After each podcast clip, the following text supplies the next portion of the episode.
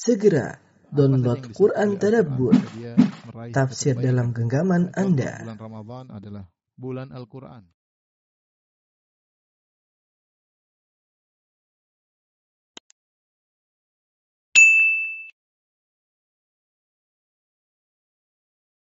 Bismillahirrahmanirrahim. Assalamualaikum warahmatullahi wabarakatuh. Alhamdulillahi ala ihsani wa syukru lahu ala taufiqihi wa amtinani wa asyhadu an la ilaha illallah wahdahu la syarika lahu ta'ziman li wa asyhadu anna Muhammadan abduhu wa rasuluhu da'ila ridwani. Allahumma salli alaihi wa ala alihi wa ashabihi wa ikhwani. Eh, rekan-rekan sekalian di Muscat maupun di tempat yang lainnya yang dirahmati oleh Allah Subhanahu wa taala, kembali kita berusaha eh, mendekatkan diri kita kepada Allah Subhanahu wa taala dengan mengenal nama-nama Allah yang terindah. Yang Allah Subhanahu wa taala berfirman, "Walillahil asmaul husna fad'uuhu biha." Sungguhnya milik Allah nama-nama terindah, maka berdoalah eh, dengan nama-nama tersebut. Eh, firman Allah, "Fad'uuhu biha," berdoalah kepada Allah dengan nama-nama tersebut. Eh, doa di sini bisa diartikan dengan doaul masalah maupun bisa doaul ibadah. Artinya kita mengamalkan firman Allah fad'uuhu biha berdoalah kepada Allah dengan fad'uuhu biha bisa kita artikan dengan dua taf- tafsiran. Tafsir pertama maknanya berdoalah kepada Allah dengan menyebut nama Allah tersebut. Misalnya kita mengatakan eh, Ar-Rahman irhamni, Ar-Rahim, ya Rahim, ya Rahman, rahmatilah aku. Itu kita berdoa dengan menggunakan nama Allah tersebut. Dan bisa juga maknanya fad'uuhu biha ai eh, beribadalah kepada Allah dengan nama tersebut. Ini fa'buduhu eh, biha beribadalah kepada Allah dengan nama dengan nama apa namanya? dengan nama Allah tersebut. Misalnya kita mengatakan fad'uuhu biha, kita mengatakan misalnya kita meyakini bahwasanya Allah Maha kasih sayang sama kita. Sehingga kita senantiasa husnudzon kepada Allah Subhanahu wa taala eh, dan tidak berburuk sangka kepada Allah Subhanahu wa taala. Maksud saya ketika kita mengenal nama-nama Allah kita bisa beribadah kepada Allah dari dua sisi. Pertama kita meminta kepada Allah dengan menggunakan nama tersebut. Kedua kita meyakini kandungan nama tersebut dan kita yakin dalam kehidupan kita sehari-hari. Seperti Ar-Rahman dan Ar-Rahim. Ar-Rahim misalnya kita bisa berdoa ya Rahim irhamni, ya, Rah, ya Maha Penyayang sayangilah aku. Di sisi lain kita bisa meyakini bahwasanya Allah Maha Penyayang sehingga kita tidak suudzon kepada Allah Subhanahu wa taala. Apa pun yang menimpa kita kita yakin di balik itu pasti ada hikmahnya karena Allah sayang kepada kepada kita. Ini contoh eh, beribadah dengan dua eh, dua cara. Eh, demikian juga nama-nama Allah yang yang lainnya. Nah, kita akan pada kesempatan kali ini kita akan bahas nama Allah Al-Ghalib. Al-Ghalib kalau kita mau artikan secara bahasa Arab Ghalaba yaitu mengalahkan atau mendominasi Al-Ghalib boleh kita katakan yang maha mengalahkan atau mendominasi atau mendominasi Eh, dan Al-Ghalib ini datang dalam Al-Quran eh, dengan dua model ya. Datang dalam Al-Quran dengan dua sisi pendalilan. Yang pertama dalam bentuk isim fa'il, itu dalam bentuk nama. Dalam surat Yusuf. Allahu ghalibun ala amrihi. Ya. Eh, ya, Allahu ghalibun ala amrihi walakinna aktsara nasi la ya'lamun Allah yang mendominasi per perkaranya itu Allah yang mendominasi perkaranya atau urusannya Eh, yang kedua dalam bentuk fiil dalam bentuk kata kerja verba ya kataballahu al-aglibanna ana wa rusuli.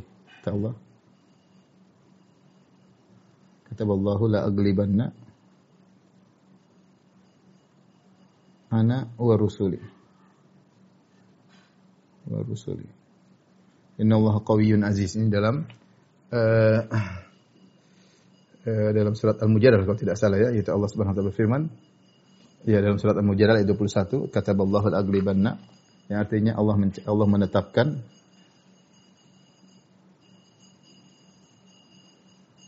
bahwasanya aku akan mendominasi, aku akan mendominasi. Dan juga para rasulku dan juga para rasulku. Perhatikan di sini. Di sini ada khilaf di kalangan para ulama tentang apakah ghalib ghalib ini termasuk nama Allah atau atau bukan. Ya, ada khilaf. Kenapa khilaf? Karena ghalib di sini tidak datang dengan alif lam. Beda kalau as-sami wa huwa basir. Ada as-sami al-basir. Kalau ada alif lamnya uh, akan sepakat ulama bahwasanya termasuk dari nama Allah Subhanahu wa taala. Wal qawiyul aziz ada alif lamnya dan dialah Allah yang maha kuat, maha al-aziz. Tapi ketika datang nama-nama Allah dalam bentuk isim fa'il, tapi tanpa alif lam, maka itu hilaf. Banyak nama-nama Allah seperti yang dikhilafkan. Contoh misalnya, uh, apa namanya, Inna Allah tayyibun. Sungguhnya Allah tayyib. Kalau seandainya at-tayyib, maka semua sepakat dia nama Allah. Tapi ketika Allah mengatakan Inna Allah tayyibun, maka khilaf apakah tayyib ini termasuk nama Allah atau uh, bukan. La yakbalu illa tayyiban ya. Misalnya Inna Allah witrun tidak dikatakan al-witr tapi witrun. Khilaf juga dalam para ulama apakah witrun termasuk nama Allah atau atau bukan. Dan demikian nama-nama Allah yang datang tanpa alif lam, maka ada khilaf. Makanya dalam hal ini ada dua pendapat tentang ghalib apakah nama Allah atau bukan. Uh, yang pertama mengatakan termasuk nama Allah. Ini masalah ijtihadiyah ya. Di antara yang berpendapat demikian adalah uh, Al-Qurtubi dalam kitabnya uh, Al-Asna ya. uh, Al-Qurtubi. Kemudian juga di antaranya dalam buku kita Fiqh Sunnah Syekh Abdul Razak. Syekh Abdul Razak hafizahullah taala. Beliau juga berpendapat bahwasanya uh, Ghalib termasuk nama Allah Subhanahu wa taala. Pendapat kedua tidak termasuk nama Allah. Ya, di antara yang tidak memasukkan uh, dalam nama Allah Subhanahu wa taala ya. Di antaranya adalah uh, Al-Ghazali ya. Uh, Al-Ghazali dalam kitabnya Al-Maqsadul Asna Al-Ghazali. Kemudian juga Ar-Razi. Ar-Razi dalam kitabnya uh, Syarah Al-Asmaul Husna tidak memasukkan Al-Ghalib dalam nama-nama Allah Subhanahu wa taala ya. Ala kulli hal, apakah dia termasuk nama Allah atau bukan tetapi para ulama sepakat tentang kandungan maknanya uh, Allah adalah Al-Ghalib yang maha uh, mendominasi. Tapi kita akan lihat secara bahasa apa makna Al-Ghalib. Kita akan bacakan perkataan para ulama tentang makna Al-Ghalib ya. Ibnu Jarir ketika mengomentari ya, surat Yusuf tadi, surat Yusuf ayat 21 ini uh, Yusuf 21 ya yaitu Allahu ghalibun wallahu ghalibun al amrihi. Ya, yaitu wallahu mustaulin ala amri Yusuf. Allah Subhanahu wa taala menguasai perkara Yusuf. Yasusuhu wa yudabbiru wa yahutuhu. Yaitu Allah mengaturnya, ya, mensiasatinya dan uh, melindungi Yusuf. Jadi Allah mendominasi perkara Yusuf. Jadi uh, ghalib dimaknakan dengan mustaulin, yaitu yang menguasai uh, Al-Halimi ketika membahas tentang makna al-ghalib dia berkata Al-Halimi ya wa huwal balighu muradahu min khalqihi yaitu Allah yang uh, akan mencapai keinginannya dari urusan makhluknya. Ahabbu am karihu. Terserah makhluk. Suka atau tidak suka Allah akan mencapai tujuannya. Ya. Wa isyaratun ila kamalil qudrah wal hikmah. Wa annahu la yuqhar wa la yukhda. Ya. Bahwasanya Allah Subhanahu wa taala ini sebagai isyarat Allah Maha sempurna kudrahnya, kekuasaannya dan maha sempurna hikmahnya. Jadi kalau Allah ingin sesuatu, pasti Allah akan mendominasi, pasti Allah yang menang. Terserah makhluk suka atau enggak suka, pasti Allah yang yang menang. Ini perkataan Al-Halimi. Al-Baghawi uh, mengatakan bahwasanya Allahu ghalibun maksudnya yaf'alu ma yasha la yaghlibu syai' yaitu Allah melakukan apa yang dia kehendaki dan tidak ada sesuatu pun yang mendominasi Allah wala yaruddu hukmahu raddun dan tidak ada yang bisa menolak urusannya, yang tidak yang bisa menolak keputusan Allah. Ya. Ini maknanya ghalib yaitu melakukan apa yang dia kehendaki dan tidak ada yang bisa menolak keputusannya. Oleh karenanya uh, Ibnu Katsir ketika menafsirkan wallahu ghalibun ala amrihi dia mengatakan fa'alu lima yasha yaitu Allah melakukan apa yang dia kehendaki. Terserah Allah. Tidak ada yang bisa ganggu, tidak ada yang bisa menghalangi ya. La radda li hukmihi, tidak ada yang bisa menolak keputusannya. Dan Sa'di rahimahullah atau As-Sa'di rahimahullah ketika menjelaskan tak mana ghalib dia berkata, amruhu ta'ala nafidun la yubtihilu mubtil wa la yaghlibuhu mughalib. Perkara Allah pasti terlaksana, pasti tereksekusi. Semua keputusan Allah pasti tereksekusi.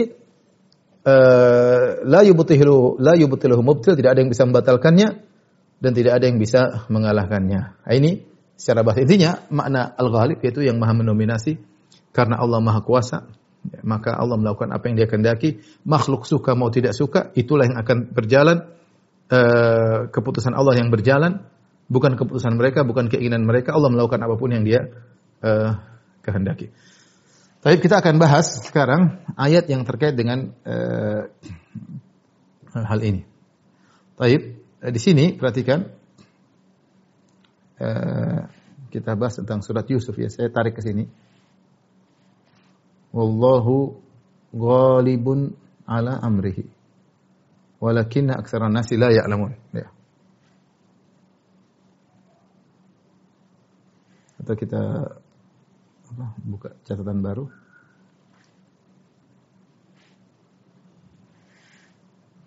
Allah berfirman wallahu ghalibun ala amrihi walakinna aktsaran nasi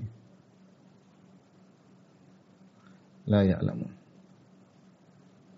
Allah yang mendominasi. Allah yang mendominasi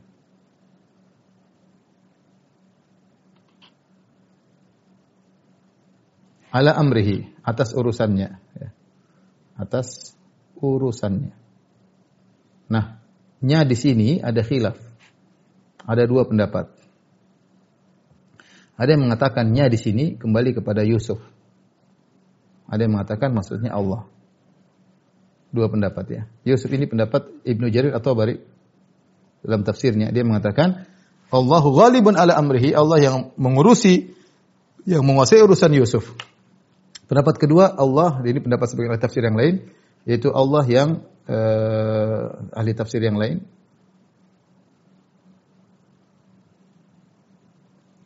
Uh, uh, seperti kata Al-Baghawi, ini pendapat Al-Baghawi contohnya, Al-Baghawi rahimahullahu taala sehingga maknanya adalah Allah yang menguasai urusannya.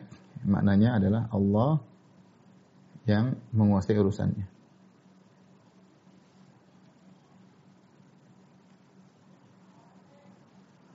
Urusan-urusannya.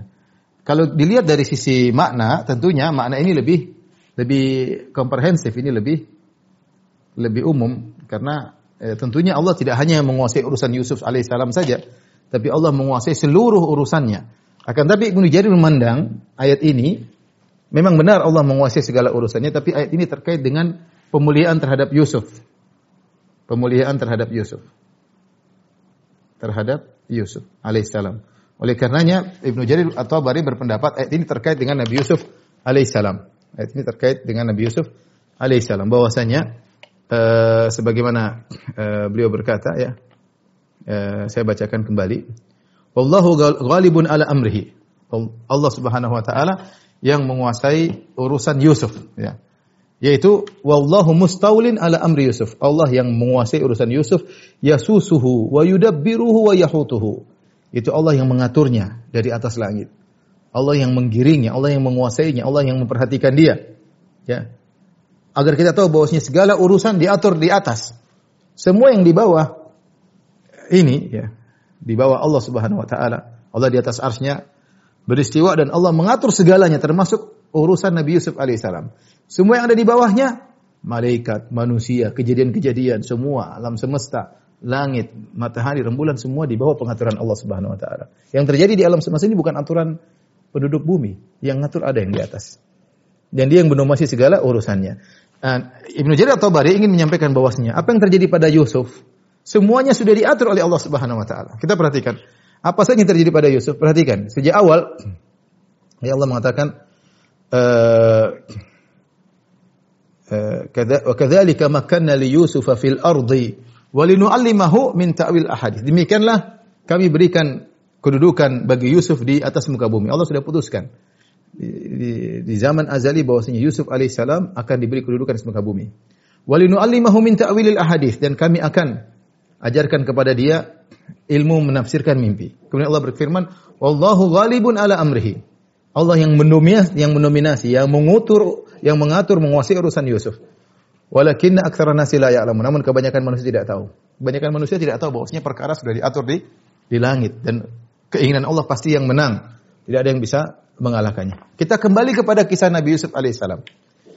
Lihatlah bagaimana kakak-kakaknya ingin mencelakakan Nabi Yusuf. Ternyata kalah, mereka maglub. Alaihim, mereka terkalahkan. Humul maglubun, mereka terkalahkan, mereka terdominasi. Ternyata Yusuf alaihissalam malah menjadi seorang penguasa di negeri Mesir. Perhatikan. Perha- Lihat kakak-kakaknya ya, ingin membuang Nabi Yusuf. Kenapa?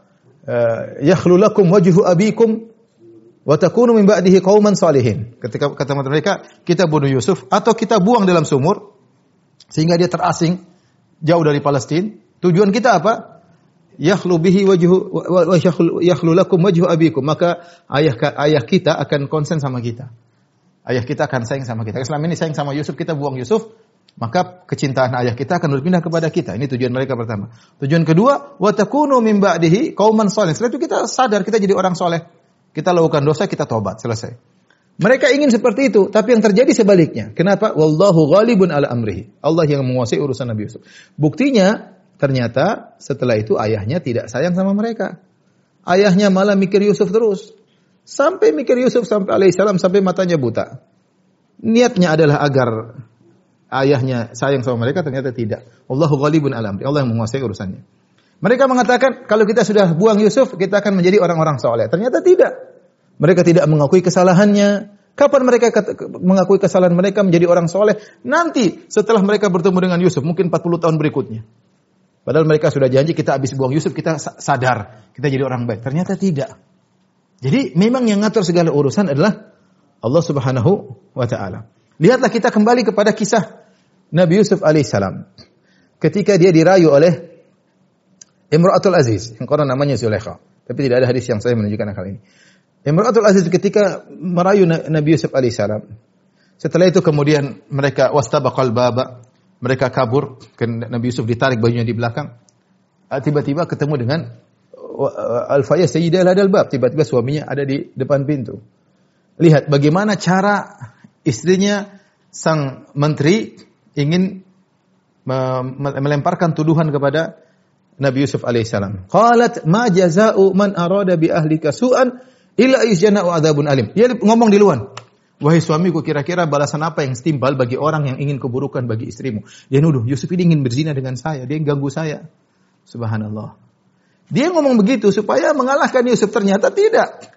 Ternyata Allah yang mengatur urusan Yusuf. Apa kata sang suami setelah terlihat ternyata yang koyak bagian baju belakang, dia mengatakan, Wastaghfiri li. Kau minta ampun kepada Allah, kau yang salah, subhanallah. Ya, mereka ingin dia ingin Yusuf yang salah, tapi Allah yang eh, menguasai. Jadi demikianlah yang mengatur yang di atas langit, mengatur urusan Nabi Yusuf alaihissalam. Ketika Yusuf di penjara, perhatikan Yusuf di penjara. Ketika Yusuf alaihissalam di penjara, ya. Eh, se- sebelumnya Yusuf ketika dirayu, dia juga selamat padahal rayuan yang luar, luar biasa. Kata Allah Subhanahu wa taala, eh, "Kadzalika linasrifa anhu su'a wal fahsya." Kami yang menyelamatkan dia, ya. Kalau tidak ada pertolongan Allah, Yusuf akan terbawa, ya. Dan dia sendiri yang berdoa kepada Allah Subhanahu wa taala, Rabbi sijinu ahabbu ilayya mimma yad'unani ilayhi. Ya Allah, aku lebih suka di penjara daripada memenuhi rayuan mereka. Wa illa tasrif anni kaidahunna. Kalau kau tidak selamatkan aku, ya Allah, tidak memelingkan gangguan mereka, asbu ilaihinna, aku akan condong kepada mereka, wa aku minal jahilin, aku ber- akan berzina, aku akan melakukan kemaksiatan. Allah tolong Nabi Yusuf, urusannya Nabi Yusuf. Perhatikan dalam ayat berikutnya, ketika Yusuf alaihissalam di penjara, kemudian dia menafsirkan mimpi. Ada dua orang minta ditafsirkan mimpi. Yang satu kata Nabi Yusuf akan dibunuh, yang satu akan selamat. Maka Nabi Yusuf berkata, "Qala lilladzi dhanna annahu najim minhum adhkurni inda rabbik." Yusuf berpesan, "Wahai sang eh, orang yang satunya ini akan selamat. Jangan lupa nanti kalau kau jadi pelayan raja, kau sebut-sebut aku di depan raja. Sebut-sebut aku supaya aku dibebaskan. Ternyata Yusuf ingin dibebaskan, tidak bisa. Allah punya kehendak lain. Orang yang selamat tadi lupa.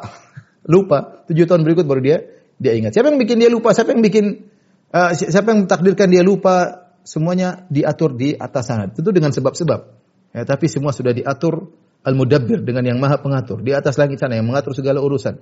Sehingga akhirnya dia baru ingat ketika raja kemudian bermimpi.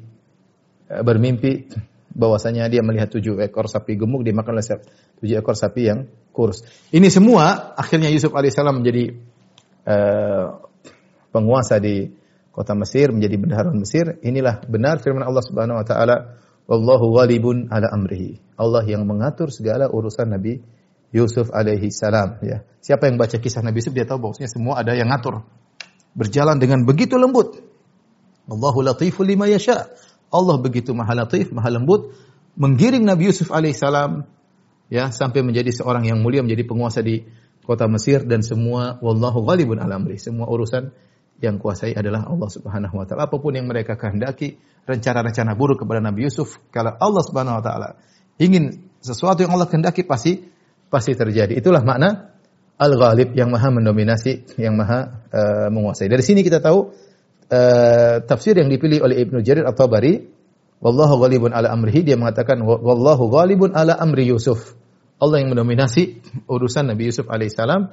Uh, meskipun tafsiran yang kedua Allah menguasai segala urusan itu benar, tapi kalau kita lebih uh, perhatian terhadap ayat ini, maka cenderung dapat Ibnu Jarir atau Bari lebih kuat. Taib, setelah itu Allah berfirman, "Walakinna aktsaran nasi la ya'lamun." Akan tapi kebanyakan manusia tidak mengetahui dan ini benar. Betapa banyak manusia suudzon kepada Allah ya. Bahwasanya kenapa Tuhan begini, kenapa Tuhan begini. Tidak tahu bahwasanya segala sudah diatur oleh Allah Subhanahu wa taala. Betapa banyak orang seudon kita nggak mungkin berhasil, kita nggak mungkin berhasil. Sudah seudon kepada Allah Subhanahu Wa Taala.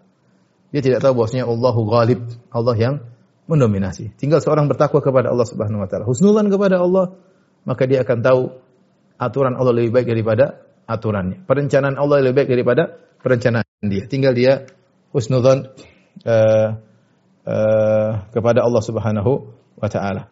Dan demikianlah juga uh, Allah berfirman tadi dalam surat Al-Mujadalah kata Allah Subhanahu wa taala kataballahu la aglibanna ana wa rusuli.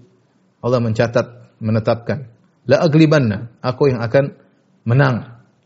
Ana wa rusuli. Dan demikian juga para rasulku yang akan menang.